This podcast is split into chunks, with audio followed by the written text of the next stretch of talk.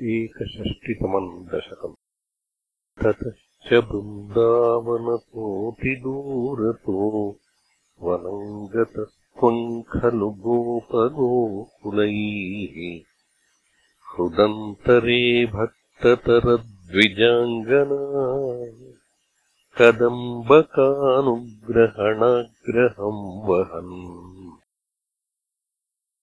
ततो निरीक्ष्याशरणे वनान्तरे किशोरलोकम् क्षुधितम् तृषाकुलम्।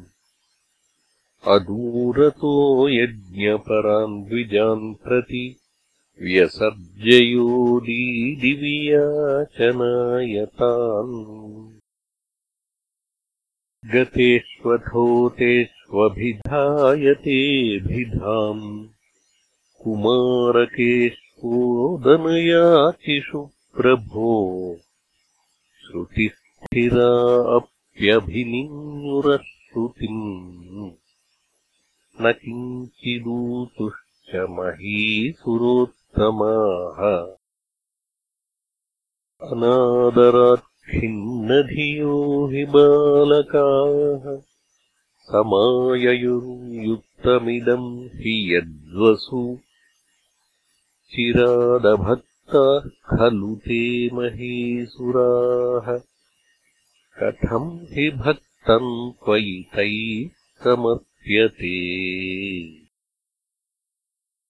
निवेदयध्वम् गृहिणीजनाय माम् दिशेयुरन्नम् करुणाकुला इमाः इति स्मितार्द्रम् भवतेरिता गता ते दारका दरजनम् ययाचिरे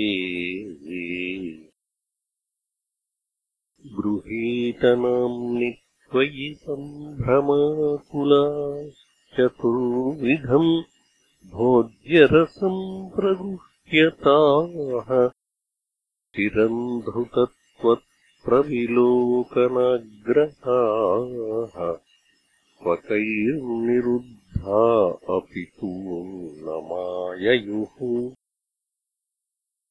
विलोलपिञ्छञ्चिकुरेकपोलयोः समुल्लसत्कुण्डलमार्द्रमीक्षिते निधाय बाहुम् सुहृदम् ससीमनि स्थितम् भवन्तम् समलोकयन्तथाः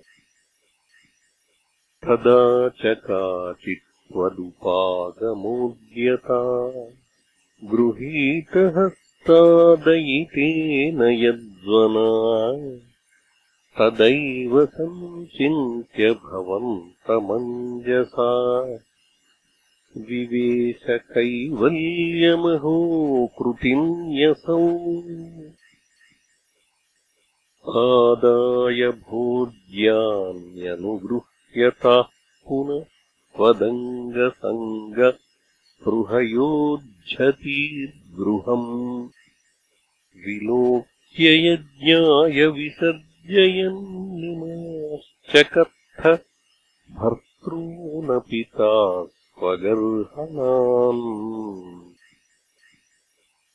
निरूप्यदोषम् निजमङ्गनाजने विलोक्यभक्तिम् च पुनर्विचारिभिः। प्रबुद्धतत्त्वैस्त्वमभिष्टुतो मरुत्पुराधीश निरुन्धि मे गदान्